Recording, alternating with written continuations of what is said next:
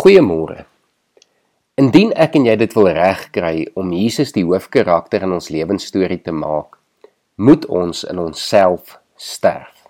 Ek lees vanoggend vir ons gedeelte van Kolossense 3 voor van vers 1 tot 17 wat iets verwoord van 'n lewe wat gesterf het maar ook weer nuut gemaak is.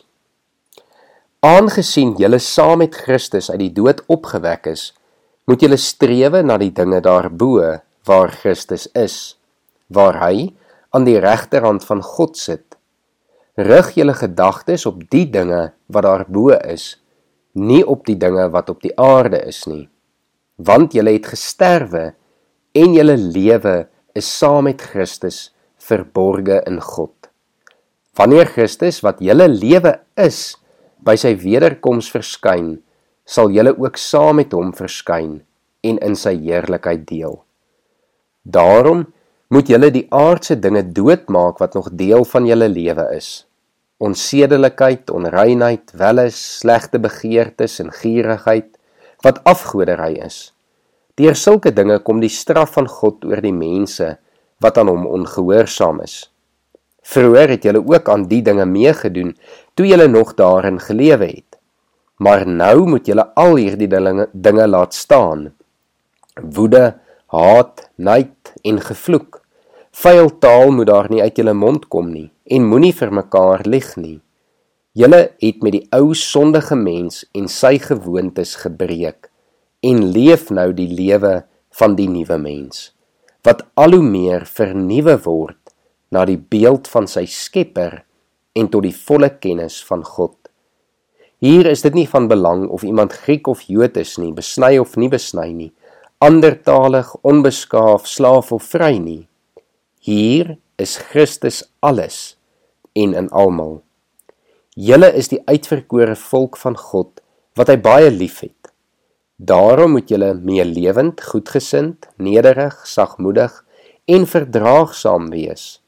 Wees geduldig met mekaar en vergewe mekaar as die een iets teen die ander het. Soos die Here julle vergewe het, moet julle mekaar ook vergewe. Bo dit alles moet julle mekaar lief hê. Dit is die band wat julle tot volmaakte eenheid saambind. En die vrede wat Christus gee, moet in julle lewens die deurslag gee. God het julle immers geroep om as lede van een liggaam in vrede met mekaar te lewe. Wees altyd dankbaar. Die boodskap van Christus moet in sy volle rykdom in julle bly. Leer en onderrig mekaar met alle wysheid. Met dankbaarheid in julle harte moet julle psalms, lofgesange en ander geestelike liedere tot eer van God sing. En wat julle ook al sê of doen, sê en doen dit alles in die naam van die Here Jesus en dank God die Vader deur hom.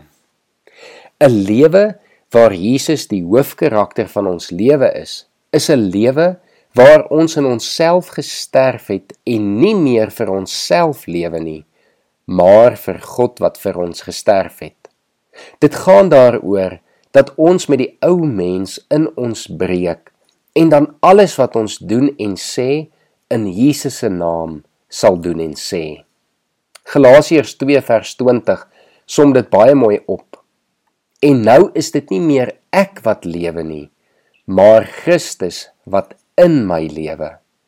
Die lewe wat ek nou nog hier lewe, leef ek in die geloof in die seun van God wat sy liefde vir my bewys het deur sy lewe vir my af te lê.